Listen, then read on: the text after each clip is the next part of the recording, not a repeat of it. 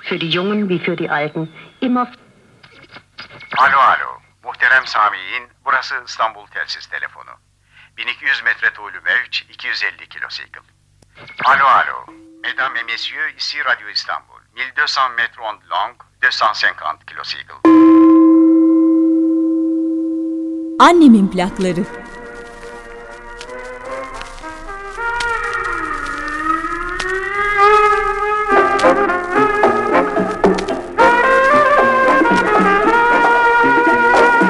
Annemin plakları.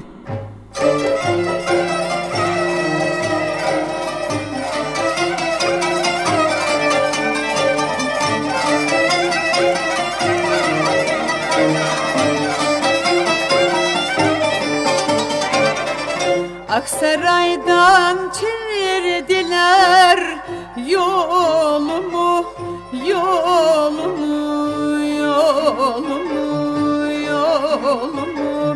Beş on polis bağladılar kolumu, kolumu, kolumu, kolumu.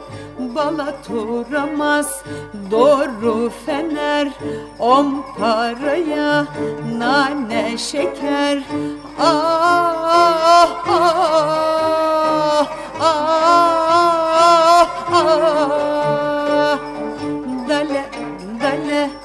dale ah dale Annemin plakları.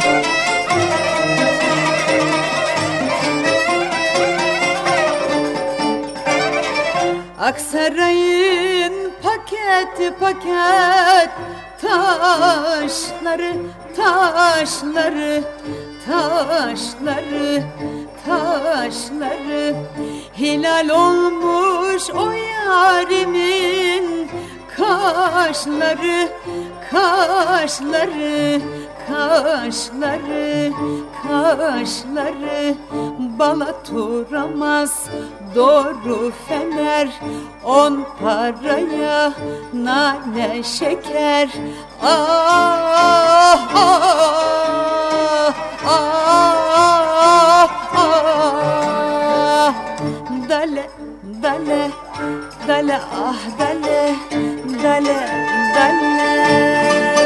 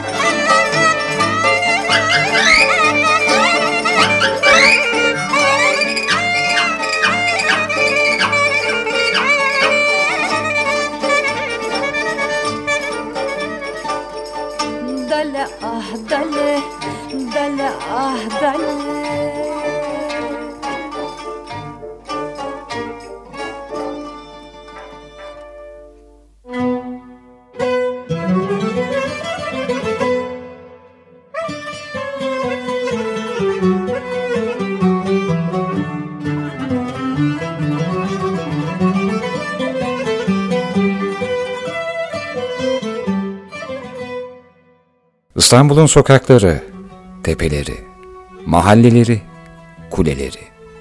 Neresinden tutsanız anlatacak çok şey var. Öyle bir çırpıda İstanbul'u anlatma gafletine düşmek yerine şu kulelerinden biraz tutayım, birer kuble anlatayım dedim.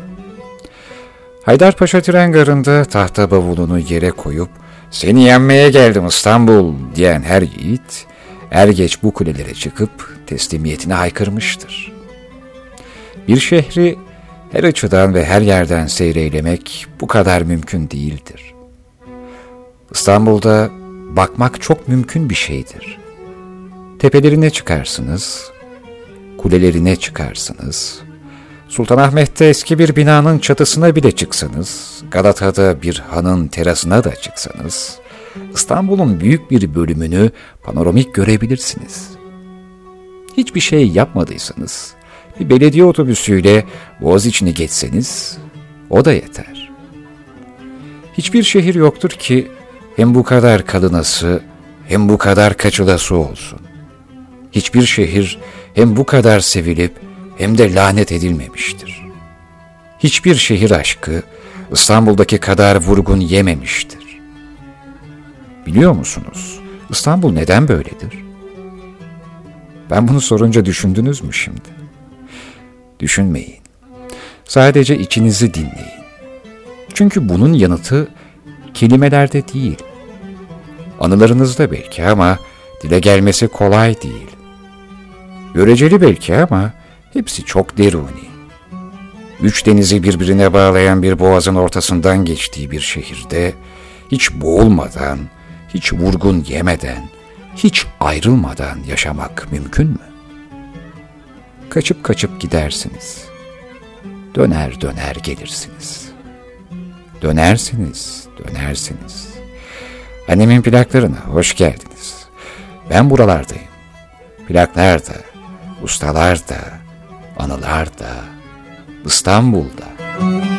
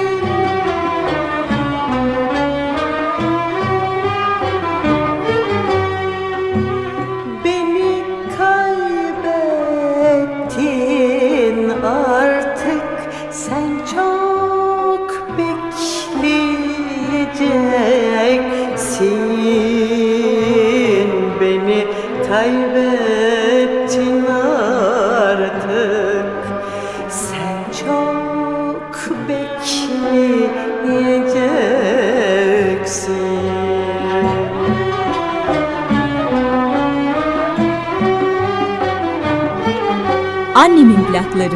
Beni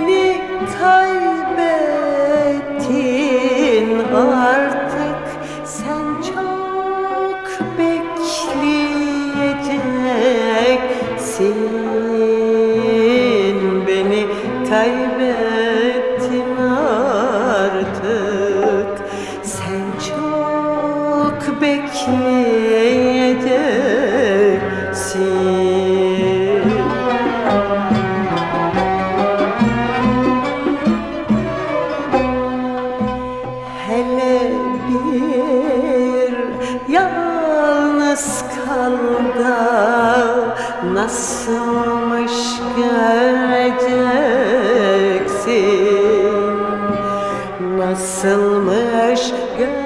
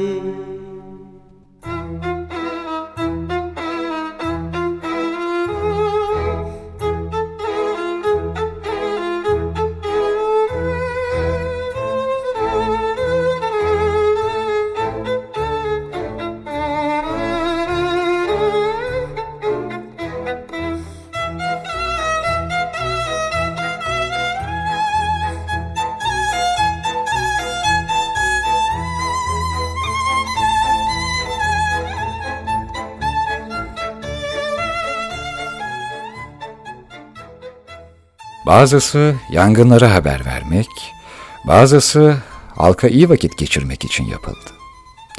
Pek çok efsaneye, şiire konu oldular. Aralarında aşk dedikoduları bile çıkarıldı. Aklı havada, başı bulutlara uzanan bu sivri yapılar, modern muadili gökdelenlerden epey farklıydı. Silüetiyle dalga geçmeden, şehirleri masal yerine çevirdiler. Tepesine çıkanı yanında, yöresinde gezeni çağlar ötesine götürdüler.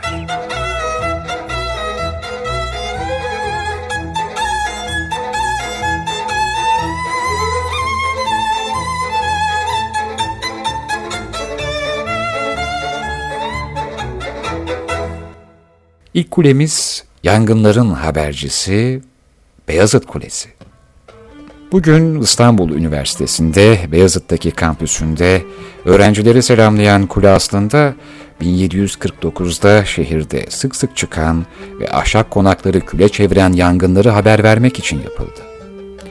Başta ahşap inşa edilen kule 1756'daki Cibali yangınında ve 1826'daki Yeniçeri ayaklanmasında zarar görünce iki yıl sonra Sultan II. Mahmut zamanında Zeneker'in balyana kagir olarak yeniden yaptırıldı. İstanbul'un meşhur yangınları bu kuleden gündüz sarkıtılan sepetlerle, gece ise fener yakılarak haber verilirdi. Beyazıt Kulesi'nden işaretleri gören İcadiye Kulesi top atışı yaparak yangını bütün İstanbul'a duyururdu. Top sesini duyan İstanbullular yangının semtini öğrenmek için köşklü denilen yangın gözcülerini beklerdi. Kulenin geleneklerine göre yangını gören nöbetteki köşklü, ''Aa, bir çocuğun oldu.'' derdi. Ağa da sorardı, ''Kız mı oğlan mı?'' Anadolu yakası, Beyoğlu ve Boğaz'ın Rumeli yakası yangınları kız, İstanbul'un iç yangınları da oğlan olarak anılırdı. Haberi alan ağa hemen kalkar, dolaptan bir çanak maytap çıkarıp yakarak İcadiye Kulesi'ne haber verir ve İcadiye'den yedi pare top atılarak yangın tüm ahaliye ilan edilirdi. 256 basamakla çıkılan 85 metrelik Beyazıt Kulesi, Cumhuriyet döneminde de yangın bildirmek ve meteoroloji tahminlerinin duyurulması için kullanılırdı. Kule yeşilse ertesi günün yağmurlu, kırmızıysa karlı, sarı ise sisli, mavi ise havanın açık olacağını müjdelerdi. 1995'te son verilen bu uygulamaya 2010'dan itibaren yeniden başlandı. Kule 2013 yılında müzeye dönüştürüldü.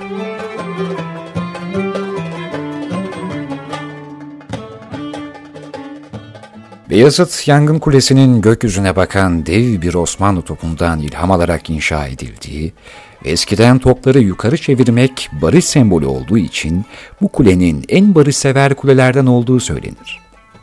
Galata ile Kız Kulesi'nin aşkını kıskandığı da dedikodular arasındadır. İstanbul Üniversitesi öğrencileri arasında ise eskiden kulenin öğrencilerin kullanımına açık olduğu ancak bir intihar olayı sonucunda kapatıldığı da kulaktan kulağa fısıldanır.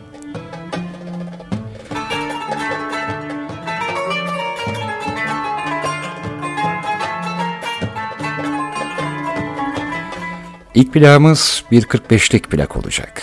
Yıldız Ayhan seslendiriyor. Bu kadar İstanbul'dan bahsettikten sonra İstanbullu olmayanların duygularına hitap eden bir eser bu.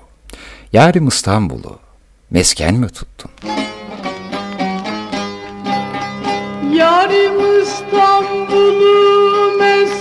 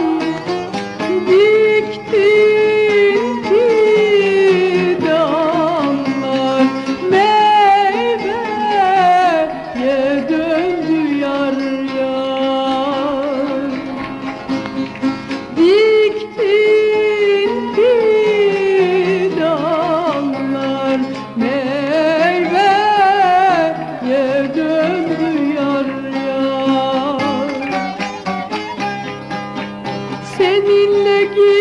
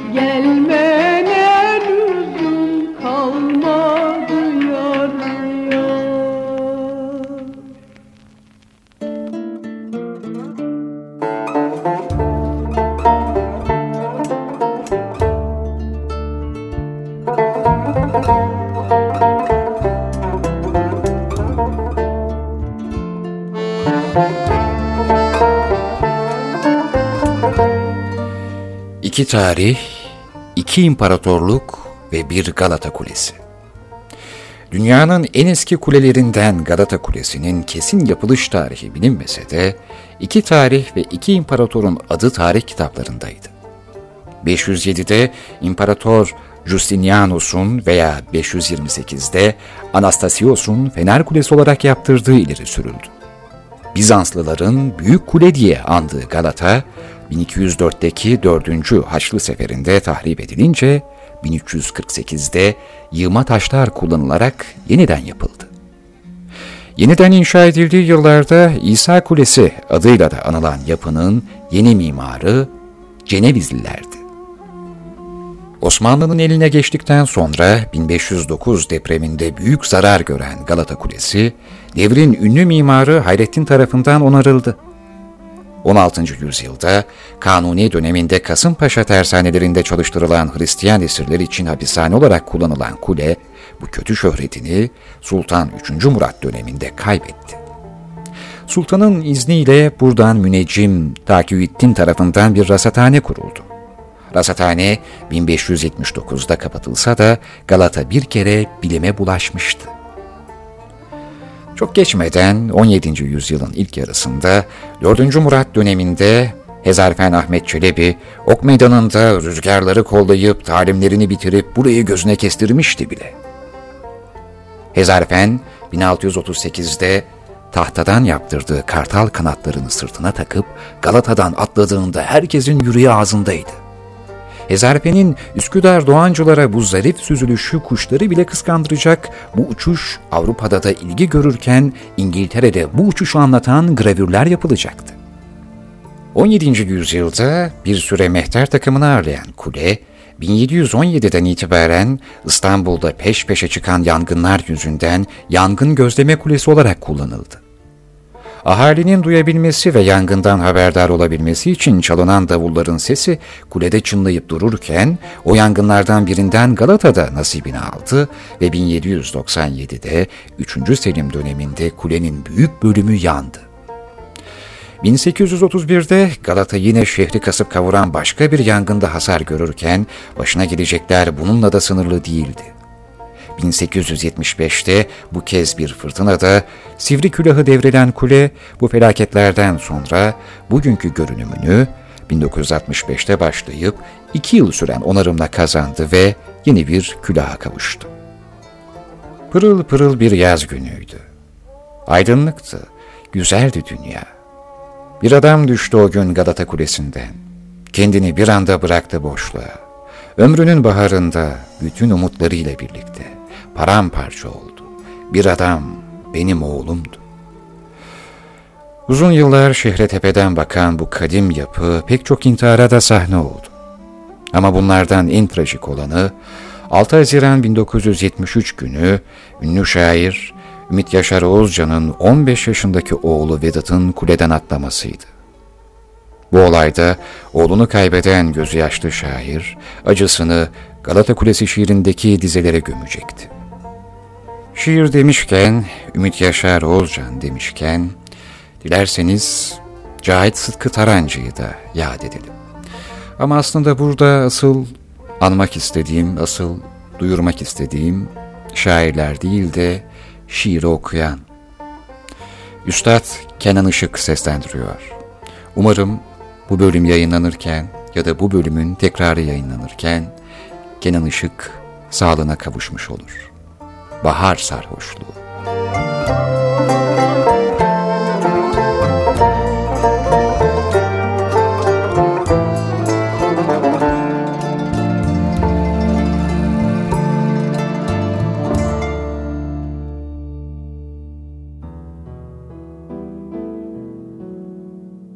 İlk sevgilinin gülüşüne benzer bir Nisan havası değil mi sen? Zincirlere, kelepçelere inat. Kanatlarımı açmak zamanıdır. Allah'a ısmarladık kaldırımlar. Giyenler düşünsün dar elbiseyi. Ölçülü sözü, hesaplı adımı. Ben kurtuldum kafeste kuş olmaktan. Saltanat sürer gibi uçuyorum. Erik ağacı gelin olduğu gün. Hayranım bu şehrin bacalarına. İrili ufaklı hep bir ağızdan nasıl derinden bu gökyüzüne doğru bir türkü söylüyorlar öyle sessiz. Dumanın daim olsun güzel baca. Yuvası saçakta kalan kırlangıç. Yavrusu dallara emanet serçe. Derken camiler üstünde güvercin, minareler katından geçiyorum, gökyüzü mahallesi İstanbul'un.